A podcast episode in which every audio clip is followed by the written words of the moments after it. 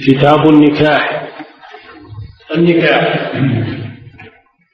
النكاح في اللغة يطلق على العقد النكاح في اللغة هو الاختلاط اختلاط الشيء وقال تناكحت الأشياء أو تناكحت الرماح إذا اختلطت دخل بعضها في بعض. النكاح في اللغة هو الاختلاط. ويطلق على العقد على الإيجاب والقبول. أنه نكاح. وجميع ما ورد في القرآن من ذكر النكاح فالمراد به العقد جميع ما ورد أو أغلب ما ورد في القرآن من ذكر النكاح المراد به العاقد وقد يطلق النكاح على الوضع يطلق النكاح على الوضع لأن العقد سبب له فأطلق عليه. وإلا من ناحية اللغة ومن ناحية الاستعمال فالنكاح هو هو العقد ولا تعزموا عقدة النكاح حتى يبلغ الكتاب أجل. يعني لا تعقد لا لا ينكح المحرم ولا ينكح ولا يعقد. المراد به العقد المراد بذلك العقد. المحرم لا يعقد النكاح لا لنفسه ولا لغيره. نعم. عن عبد الله بن مسعود رضي الله تعالى عنه قال والنكاح النكاح في الإسلام باب عظيم. أوصى الله جل وعلا به وأمر به وأمر به النبي صلى الله عليه وسلم لما فيه من المصالح بناء الأسر ولما فيه من التكافل بين الزوجين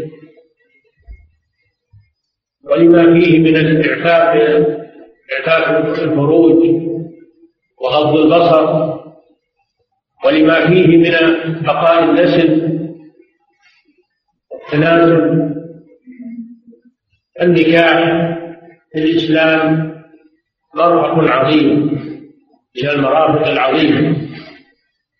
لما فيه يترتب عليه من المصالح العظيمة التي لا تخفى النكاح بلا شك أنه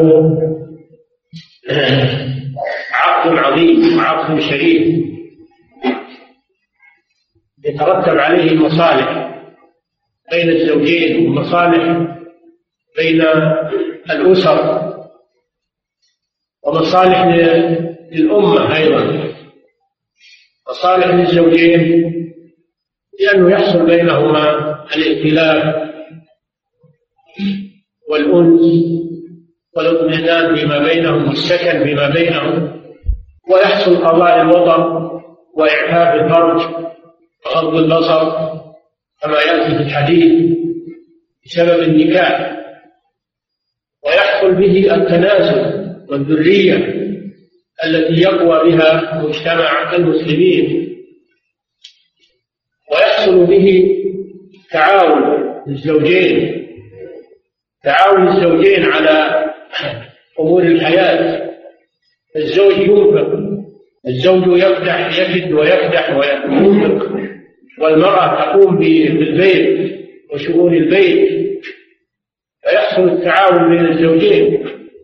لذلك كل يقوم بعمل لا يقوم به الآخر. وينتج عن ذلك الذرية التي ينفع الله بها الوالدين وينفع بها الأم. فيه مصالح عظيمة. ولهذا جاء ذكره في القرآن في مواضع حتى الله تعالى عليه.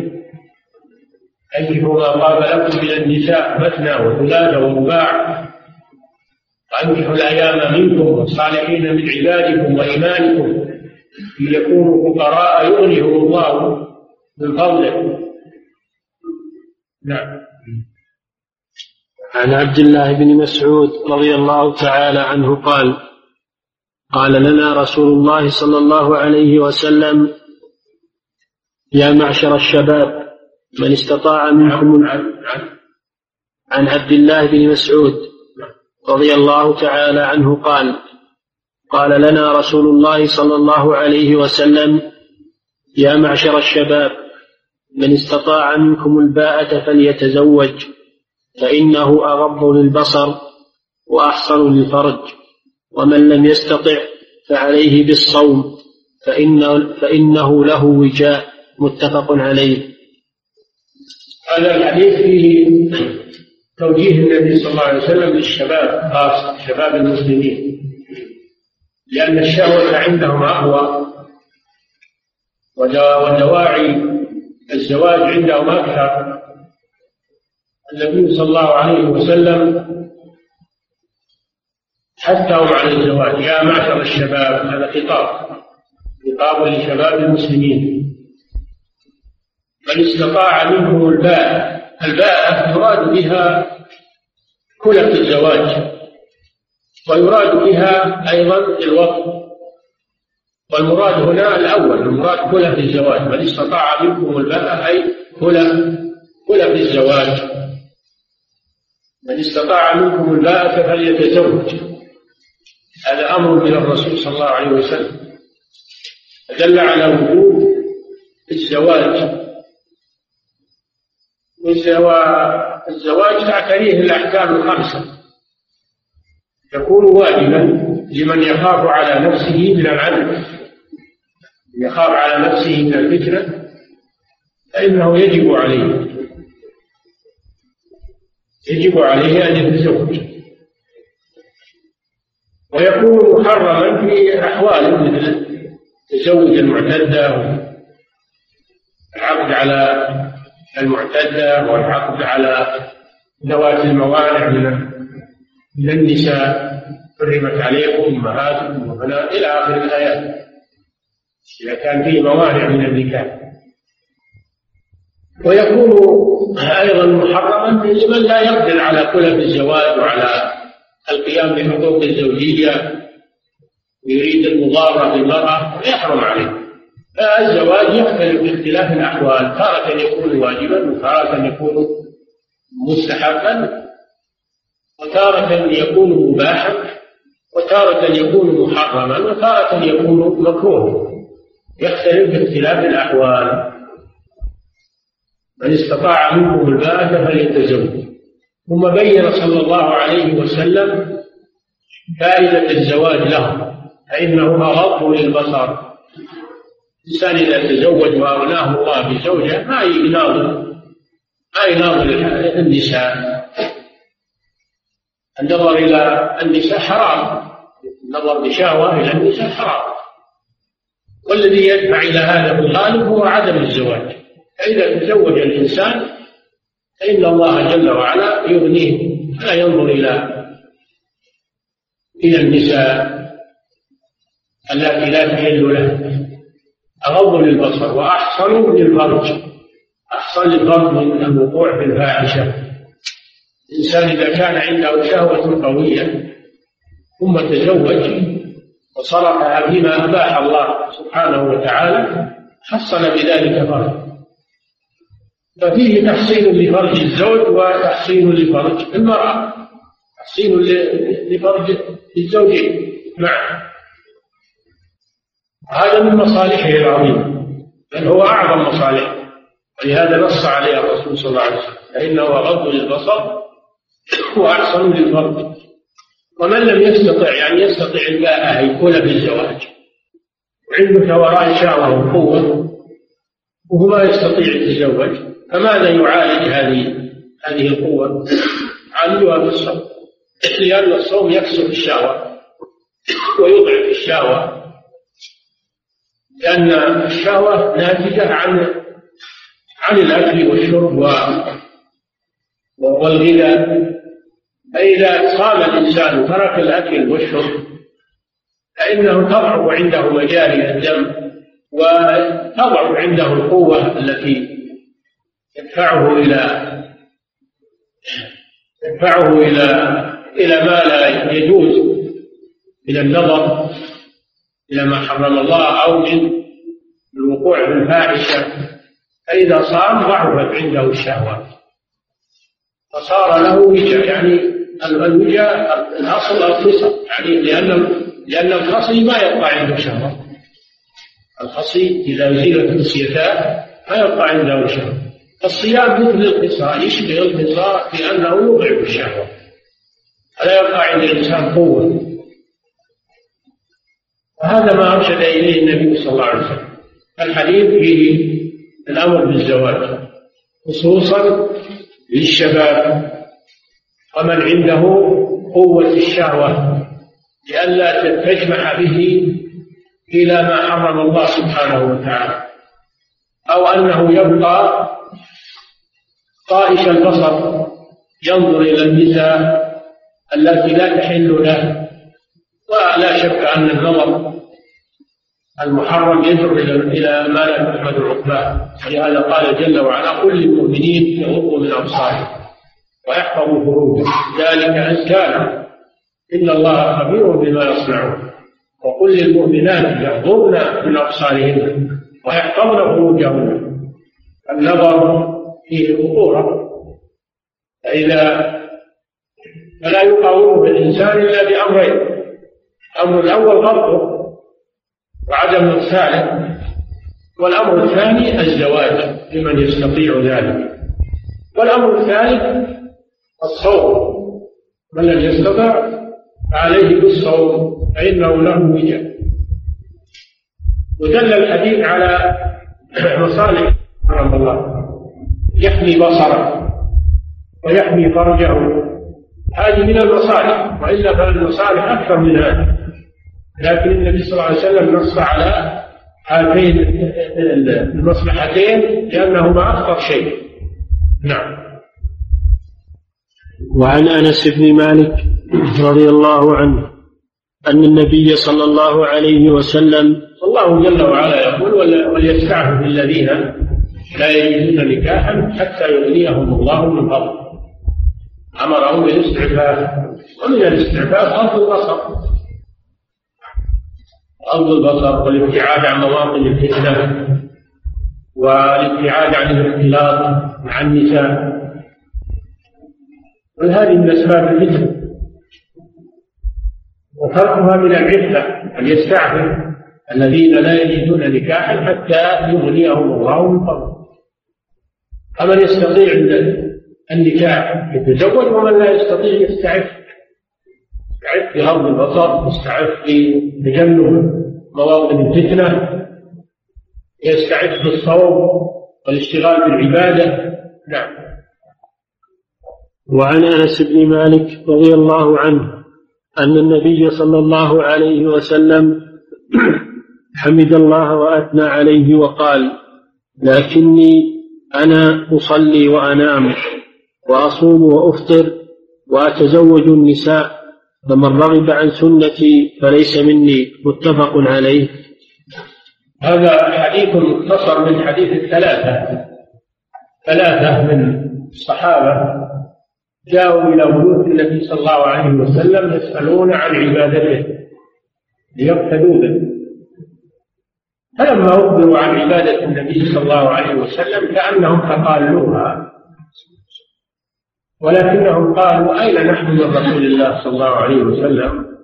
قد غفر له ما تقدم من ذنبه وما تأخر. فقال أحدهم أنا أصلي الليل ولا أنام.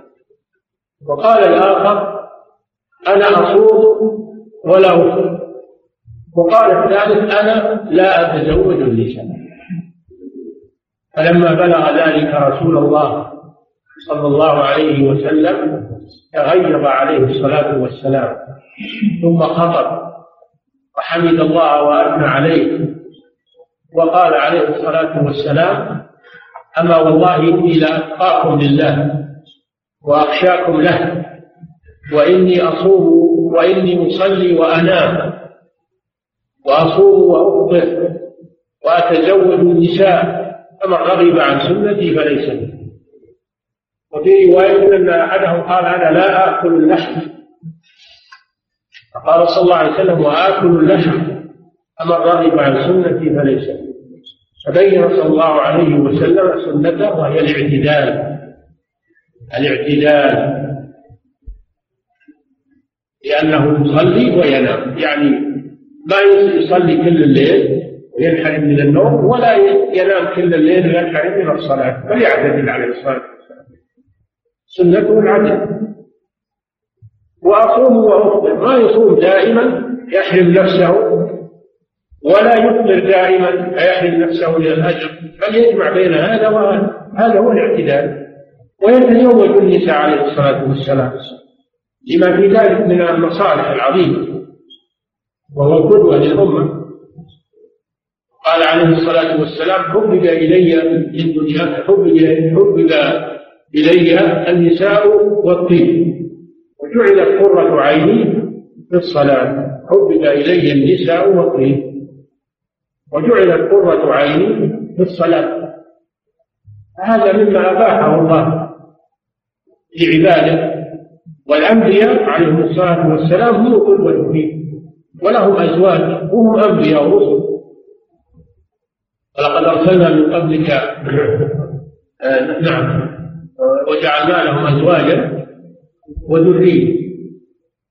وجعلنا لهم أزواجا وذرية. الأنبياء عليهم الصلاة والسلام لهم أزواج ولهم ذرية. لقد أرسلنا رسلا من قبلك وجعلنا لهم أزواجا وذرية. سنة الأنبياء عليهم الصلاة والسلام تزوج. وإنجاب الأولاد وهم القدوة لأممهم. والنبي صلى الله عليه وسلم هو خير قدوة فلا يترك النساء ولا يترك النوم ولا يترك الإفطار بل يأخذ من هذا وهذا هذا هو الاعتدال. هذا هو الاعتدال الذي جاءت به الشريعة. إن الشريعة وسط وسط بين الجفاء وبين الظلم. بين الجفاء وهو ترك العبادة وبين الغلو وهو التشدد في العبادة. توسط هو سنة الرسول صلى الله عليه وسلم. فالذي لا ينام هذا مخالف لسنة الرسول صلى الله عليه وسلم. ولو كان يصلي كل الليل مخالف. والذي لا يتزوج النساء تعففا ويجي يتفرغ للعبادة هذا مخالف لسنة الرسول صلى الله عليه وسلم. والذي لا يفطر دائما دائما يصوم كل الدهر هذا مخالف لسنة الرسول صلى الله عليه وسلم. وإن كان في عبادة لكن العبادة لها حدود ولها ضوابط. نعم. الشاهد من قوله وأتزوج النساء فدل على أن النكاح من سنة النبي صلى الله عليه وسلم وهو القدوة لأمته. فلا أحد يترك النكاح تدينا. هذا ما يسمى بالتبتل التبتل هو عدم التزوج. نعم. وعنه قال كان رسول الله صلى الله عليه وسلم يأمرنا بالباءة وينهى عن التبتل نهيا شديدا.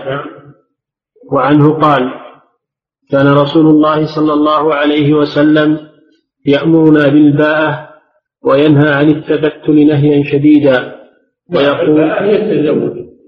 من استطاع منكم الباءة أي كل في الزواج وتطلق الباءة على الوضع اللي يقدر على الوضع.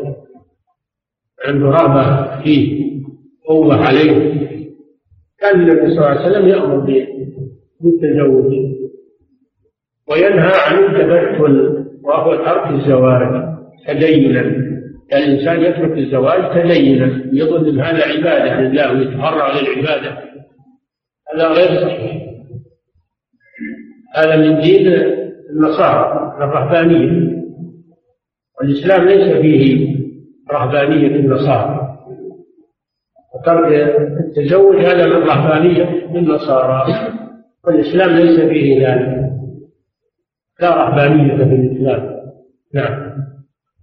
الرهبانية معناها ترك الطيبات وترك الزواج وطول العبادة هذه الرهبانية وهي أحدثها النصارى. رهبانية ابتدعوها ما كتبناها عليهم إلا ابتغاء رضوان الله. يعني فعلوها ابتغاء رضوان رضوان الله. ومع ذلك مع ذلك ما رعوها حق رعايتها الإنسان يعجز.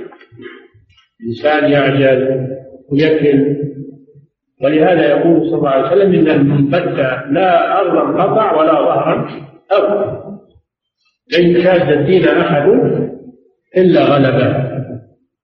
لا يمكن أنك تستوفي جميع العبادات وجميع الطاعات وجميع أنت بشر ما تستطيع. لكن عليك بالوسط علشان تستمر في الطاعة والعبادة. لا تشدد على نفسك ثم تنقطع وتترك العبادة. خليك على الوسط. وأحب العمل إلى الله أدومه وإن قل نعم. وعنه قال كان رسول الله صلى الله عليه وسلم يأمرنا بالباءة وينهى عن التبتل نهيا شديدا ويقول تزوجوا الولود الودود فإني مكاثر بكم الأنبياء يوم القيامة رواه أحمد وصححه ابن حبان وله شاهد عند أبي داود والنسائي وابن حبان من حديث معقل بن يسار. تزوج الودود الولود. هذا فيه بيان الصفة التي تختار من أجلها المرء. كما يأتي في الحديث الذي بعده في اختيار الزوجة وعن الزوجة الودود التي فيها تودد ومحبة للزوج. لأن هذا مدعاة لبقاء الزوجية. الولود أي كثيرة الولادة ما يتزوج امرأة لا تنجب. لا يتزوج امرأة لا تنجب أو قليلة الإنجاب. بل يختار الولود أي كثيرة الولادة لأن النبي صلى الله عليه وسلم يرغب في كثرة النسل وكثرة الأمة لأنه يباهي بها الأنبياء يوم القيامة. تكون أمته أكثر تكون أمة الرسول صلى الله عليه وسلم هي أكثر الأمم يوم القيامة. وفيه الحث على كثرة الإنجاب كثرة الأولاد. وهذا فيه رد على أصحاب النظرية القبيحة. التي جاءت من الغرب وهي تقليل النسل أو تحديد النسل. يظنون إن هذا يبي يضيق الدنيا ويبي ياكل الأرزاق ويبي كأنهم هم اللي يرزقون الناس وهم اللي يعطون الناس. الذي خلق هذه الأنفس هو الذي يرزقها سبحانه وتعالى. الرزق عند الله عز وجل. وهذا شبيه بفعل الجاهلية. الذين يقتلون أولادهم خشية البقر هذا فيه شبه من فعل الجاهليه هؤلاء يقتلون أولادهم موجودين أهل الجاهلية وأما وأما وأما هؤلاء أصحاب تحديد النسل فهم يمنعون وجود النسل من الأصل. والعلة عندهم واحدة هي خشية البقر اللي يحددون النسل خشية البقر وليقتلون النسل خشية البقر فالمؤدى واحد وهو سوء الظن بالله عز وجل. فالذي خلق خلق الأولاد هو الذي يرزقهم ولو كانوا لا تتبرم من كثرتهم صاروا الآن كره كره الإنجاب إلى بعض إلى إلى كثير من قاصر النظر من المسلمين. كرهوا إليهم الإنجاب تأثروا بهم. وصاروا يكرهون النسل ويكرهون كثرة الأولاد. وهذا خلاف سنة الرسول صلى الله عليه وسلم. أنه قال تزوجوا الولود يعني كثيرة الأولاد وكثيرة الإنجاب. فدل على أن كثرة النسل مطلوبة في الإسلام وأنها مرغوبة نعم. وعن أبي هريرة رضي الله تعالى عنه عن النبي صلى الله عليه وسلم قال تنكح المرأة لأربع لمالها ولحسدها ولجمالها ولدينها فاظفر بذات الدين تربت يداك. متفق عليه ما بقية السبعة. وهذه صفة ثانية من الصفات التي تتوفر في المرأة وترغب فيها وهي الدين. أولا الودود ثانيا الولود. وثالثا ذات الدين. ذات الدين. فينبغي إن الإنسان إذا أراد يتزوج يختار امرأة زينه ولا يختار امرأة مقصرة في دينها أو متساهله في دينها. تنكح المرأة لأربع لمالها ولحسبها ولجمالها ولدينها. أظهر بذات الدين كلمة يداك لمالها إذا كانت غنية. إذا كانت غنية. يرغب فيها يتزوجها لأنها صاحبة مال. وهذا المال قد يكون ضررا عليه وعليها. تطغى عليه وتتكبر عليه وتمن عليه. فيكون سبب لسوء العشرة بينهما أو لحسبها كونها ذات مكانة حتى الحسب يعني المكانة المكانة في الناس. يزوجها لأنها لها مكانة في الناس. وهذه أيضا قد قد تكون عاقبتها سيئة عليه أنها تترفع عليه. إذا أخذ واحد أرفع منه مكانه وأرفع منه حسب ربما أنها تتكبر عليه. إذا أخذ امرأة آه، ليس فيها صفة الكبر أو صفة الفقر فإن هذا مدعاة لبقاء الزوجية ولجمالها. تنكح المرأة أيضا لجمال يعني الناس يرغبون هذه الأشياء. الناس يرغبون هذه الأشياء. ومنها الجمال. الجمال ربما لا يكون سبب خير. ربما يكون سبب شر. يعلق بها الأنظار يعلق بها الأطماع وتظهر هي في نفسها أيضا. فلا ينبغي الاضطرار بالجمال؟ وتنكح بصفة رابعة وهي الدين. هذه هي المراقبة تظفر بذات الدين. اظفر يحصل احصل عليها. كلمة يداك. هذه كلمة يدعى بها كلمة دعاء في الأصل. تدعى عليه يقول كلمة يداك يعني أصابك الفقر. أصابتنا الفقر. أو مسكينا ذا متربة يعني فقر وحاجة. هذا في الأصل. لكن صارت تستعمل لغير لغير الدعاء. كلمة يداك معناها الحث معناها الحث على التزوج بذات الدين. ترغيب بذات الدين لأن الدين يجمع كل الخصال الطيبة. الدين يجمع كل الخصال الطيبة. ولا يترتب عليه ضرر بل هو مصلحة محضة بخلاف الجمال بخلاف المال بخلاف الحسب فهذه الأمور قد تجر على الزوج أمورا تزعجه وتكلفه مع الزوج وإن كان الناس يرغبون هذه الأمور فالمؤمن ينبغي أن لا يكون همه هذه الأمور مع الزوج إذا صارت صاحبة الدين ولو لم يكن لها حسب ولو لم يكن لها مال ولو لم يكن لها جمال إذا كان لها دين فهذا يكفي. يجمع له خصال الخير وخصال العشرة الطيبة نعم. فضيلة الشيخ هل يجوز للإنسان أن يقسم التركة هو والورثة وكلهم متراضين دون تقيد بقسمة المواريث المنزلة في القرآن؟ لا مخالفة القسمة المنزلة في القرآن لا فيه لكن لو قسم ماله بين ورثته على قسمة الله عز وجل فلا بأس بذلك. نعم. فضيلة الشيخ هل يجوز للموصي أن يكتب أن يكتب في وصيته أنه متنازل عن جميع الديون التي له على الناس؟ لا إذا مات إذا مات ما له تنازل عنها وهو حي ما يخالف أما أنه يوصي إذا مات أن الديون تنازل ما له تنازل إذا مات ما له تنازل صارت الديون جدولة وليس له عليها إلا إن كان يحسبها من الثلث. إذا كان بيحسبها من الثلث فلا بأس. أما ما زاد عن الثلث فهو للوارث ليس له تنازل عنه نعم. فضيلة الشيخ هل يجوز التهنئة بدخول العام الهجري الجديد؟ لا. ليس لذلك أصل.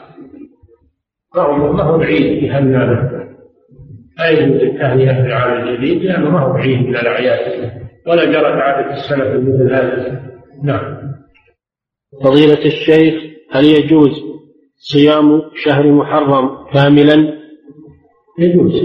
قوله صلى الله عليه وسلم أقوى الصيام بعد رمضان شهر الله المحرم. يجوز أن يصومه هذا الشهر خاص. نعم. فضيلة الشيخ هل الوصية بالوقف الدري جائزة لأن الموقوف عليهم قد يكون وارثا؟ الذري الذري إذا كان من الفقراء من ذريته أو للفقراء من الأقارب لا. إذا إذا خصصه بالفقراء لا بأس. بل هم أولى أقاربه المحتاجون أولى. لكن ما يعين واحد منهم أو أقارب منهم يقول فلان محمد علي.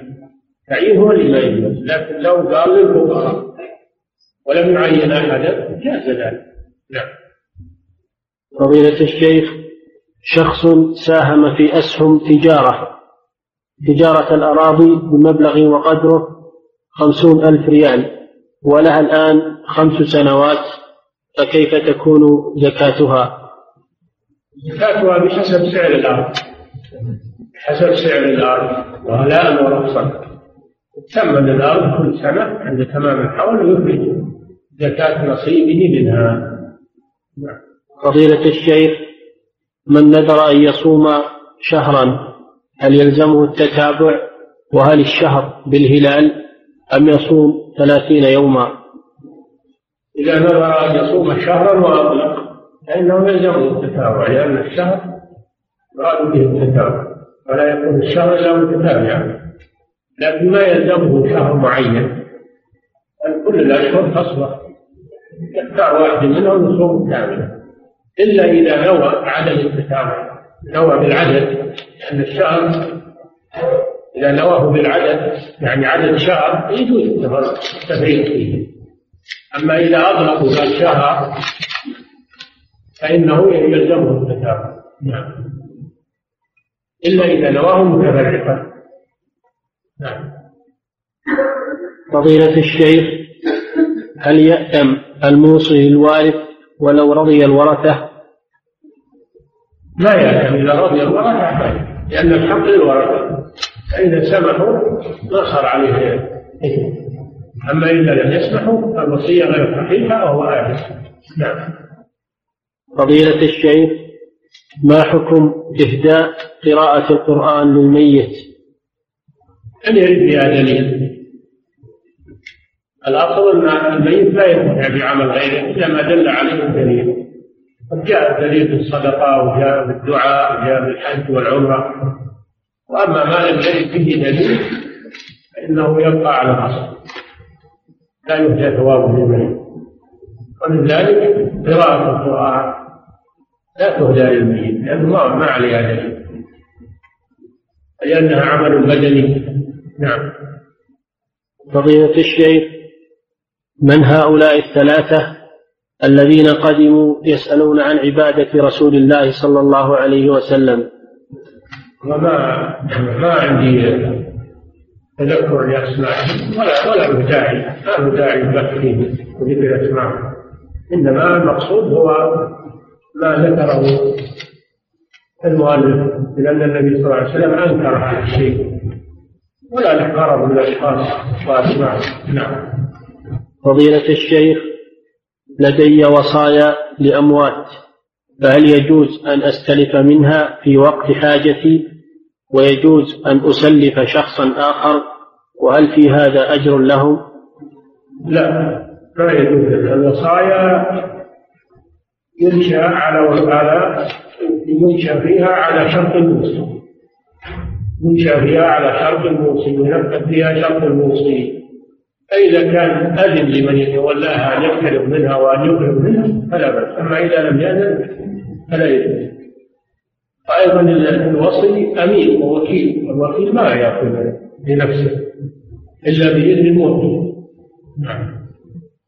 فضيلة الشيخ ما التكليف الفقهي الصحيح في إيداع في إيداع الأموال في البنوك الإسلامية. هل تعتبر وديعة بالمعنى الفقهي؟ أم يعتبر قرضا كما يقوله بعض العلماء؟ إيداع في البنوك بقصد الحفظ وديعة هذا حكم الوديعة. لأنه مال جعل فيها لأجل حفظه من غير أجرة فهو وديعة.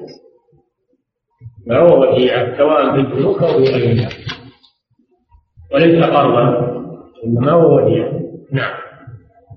كما لو جبت مبلغ من المال وحطيته عند شخص قلت تحفظه إلى ما أجي. هذا وديعة ما هو قرض. أما إذا تصرف فيه ما يجوز للبنك يتصرف فيه وهو وديعة. فيجب للبنك أن يتصرف فيه وهو وديع بل يحفظه. تصرف البنوك في أموال الناس هذا لا يجوز. ما دامت إنها ودائع عندها. نعم. فضيلة الشيخ ما الحكم في رجل أكل كبد إبل؟ نعم. ما الحكم في رجل أكل كبد إبل؟ وصلى ولم يتوضأ. ما دام صلى وانتهى الصلاة صحيحة. إن شاء الله لأن الفقهاء يقولون إن إن الكبد لا يطلق عليه اسم اللحم ولكن القول الصحيح أن أن كل أجزاء الجزور تنقض كل أجزاء من الكبد وغيرها. ففي المستقبل يتوب أما ما مضى فإن صلاته صحيحة إن شاء الله. نعم. فضيلة الشيخ رجل غني لديه مال يريد التبرع به ويوجد مسجد بقيت مرافقه. من بيوت للإمام والمؤذن تحتاج إلى بناء كما أنه يوجد مكان آخر يحتاج إلى مسجد. فهل الأفضل أن يكمل بناء هذه المرافق أم يبني مسجدا جديدا بلا مرافق؟ لا شك المسجد أفضل من البيوت. إذا كان يوجد حاجة إلى بناء مسجد فإنه يبني المسجد وإذا لم يكن هناك حاجة إلى بناء مسجد وإنما هناك حاجة إلى بناء بيوت فإنه يبني البيوت. وله لازمة في هذا. نعم. فضيلة الشيخ يعلم فضيلتكم ما للكاتب حسن المالكي من تخبطات وأخطاء في العقيدة حيث أنه يلمز معاوية ويلمح إلى أن عليا أولى بالخلافة من الثلاثة. ويرى أن كتب العقيدة أكثرها كتب سب سببت الفرقة بين المسلمين إلى غير ذلك وحيث إنه بدأ في كتابة مقالات في الصحف إذا نرجو بيان الحق فيه وفي أفكاره والعمل على منعه من نشرها لما فيه من إضلال للجهلة من العوام. لا شك أن هذا خطر عظيم تمكين مثل هذا الرجل من الكتابة نشر أفكاره. هذا خطر على المسلمين. يجب على المسلمين أن يستنكروا هذا الشيء وأن يكونوا لولاة الأمور بمنع هذا الرجل وأمثاله من من هم على شاكلته من الكتابة وإضلال الناس ونشر أفكارهم الخبيثة يجب التعاون في صد هذا العدوان. يجب الإنكار على هذا الرجل. ويجب الكتابة أو الاتصال بولاة الأمور لمنعه ومقاومته هذا الواجب على الجميع نعم فضيلة الشيخ إذا أوصى رجل لوارث وأجازه بعض الورثة ورفضه بعض الورثة فما الحكم؟ أوصى رجل لوارث نعم. وأجازه بعض الورثة ورفضه بعض الورثة فما هو الحكم الشرعي؟ الحكم انه ينفذ في في نصيب من رضي ينفذ تنفذ الوصية في نصيب من رضي ولا تنفذ في نصيب من لم يرضى. نعم. فضيلة الشيخ حرمة الأشهر الحرم. هل هي باقية إلى وقتنا الحالي أم أنها نسخت في آخر حياة النبي صلى الله عليه وسلم؟ الجمهور على الثاني على أنها نسخت. الجمهور على القول الثاني. انها نسخت لأن الله أمر بقتال المشركين مطلقا في اخر الأمر. أمر الله جل وعلا بقتال المشركين مطلقا. أدل على نفس تحريم القتال في الاشهر الحرم. نعم. فضيلة الشيخ رجل أوصى ورثته وقال لهم إن أولاد ابني المتوفى يقول أوصى ورثته. وقال لهم إن أولاد ابني المتوفى يقومون مقام أبيهم في أخذ الميراث. إذا أنا مت هل هذه الوصية جائزة؟ وهل تكون في ثلث المال؟ أم يعاملون معاملة أبيهم لو كان حيا؟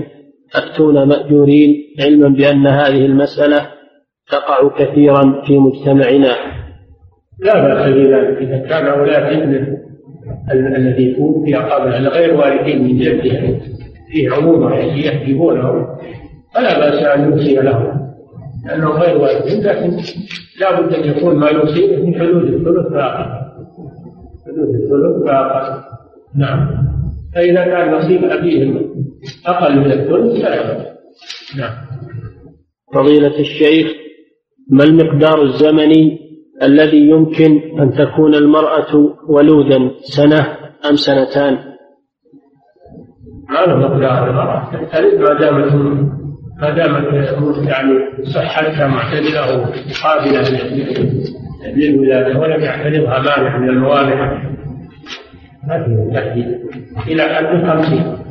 إلى حد سن الإياس وهو بلوغ بلوغها الخمسين من عمرها. إذا بلغت الخمسين انقطع الحمل وانقطع الحيض وأيسر تسمى الآيسة واللائي يئسن من المحيض من نعم. فضيلة الشيخ. والحمل يتبع الحيض. ما دام الحيض موجودا الحمل يكون موجودا بإذن الله وإذا انقطع الحيض انقطع الحمل. نعم. فضيلة الشيخ ما هو الفرق بين الوصية للورثة والوقف على الورثة من ناحية الحكم الشرعي؟ الوقف على الورثة يجوز. لأنه وقف منجس للحياة يجوز الاعتداء على الورثة وهو حي. صحيح. ما هو مرض الموت. لأنه منجس خلاف الوصية فإنها بعد الموت. وبعد الموت المال ينتقل للورثة فهو له فلا يجوز أن يتصرف فيه بعد الموت. إلا بحدود الثلث. في فرق بين الوقف والوصية. الوقف يكون في الحياة. وأما الوصية فتكون بعد الموت. والإنسان ما دام على قيد الحياة فهو يتصرف في ماله. لكن إذا مات ما انتقل المال منه إلى الورثة ولم يبقى له إلا حدود الثلث آخر. نعم. فضيلة الشيخ هل كان من عادة السلف جعل خطبة خطبة الجمعة للحديث عن بدء العام والوقوف لمحاسبة النفس والإعداد للموت؟ ما هو ما هو هذا ما أعرف شيء من السلف في هذا؟ لكن إذا كان الناس عندهم أخطاء في بدء العام فإنه يرتكب عليه تهاني يتهانون بقدوم العام أو أنهم يجعلون فيه عيد واحتفال. هو يحكم يبين للناس بدء العام ما له خاصية ولا ولا يجوز إحداث شيء بمناسبته نعم. فضيلة الشيخ والدي منعني من الاستمرار في عملي في الهيئة خوفا علي وإيثارا للسلامة. فأطعته واستجبت لرغبته برا به ومراعاة لكبر سنه. ولكن بعد وفاته فكرت في الرجوع إلى الهيئة. فهل لي ذلك؟ ولا أكون عاقا له بعد الوفاة. لا تكون عاقا له بعد الوفاة. إذا رجعت إلى الهيئة هذا عمل طيب والله يعينك ويكون من الثواب. وجعل المحذور. أقول المحذور ذلك نعم. فضيلة الشيخ حديث تنكح المرأة لأربع. هل يعتبر أن الرسول صلى الله عليه وسلم يحث على هذه الأمور الأربعة؟ الرسول لا يحث يخبر عما عليه الناس. يخبر عما عليه الناس ويبين الم... ويبين الأمر الواجب وهو ذات الدين. فالحديث يبين ما عليه الناس. ويبين المعنى الصحيح الذي ينبغي التركيز عليه وهو ذات الدين. نعم. فضيلة الشيخ سافر رجل إلى بلد عربي ولم يعرف القبلة في ذلك البلد لقلة المساجد هناك. فكان يصلي لغير القبلة لمدة ستة أيام حتى وجد من دله وعرفه على القبلة فماذا عليه؟ إذا كان ما عنده أحد يبين له القبلة ولا هناك علامات تدل على القبلة واجتهد هو صلى صلاة صحيحة قوله تعالى فاتقوا الله ما استطعتم أما إذا كان حوله أحد من المسلمين ولا سألهم أو عنده مساجد قريبة يروح لما ويشوف ولكن التعاجل وتكالب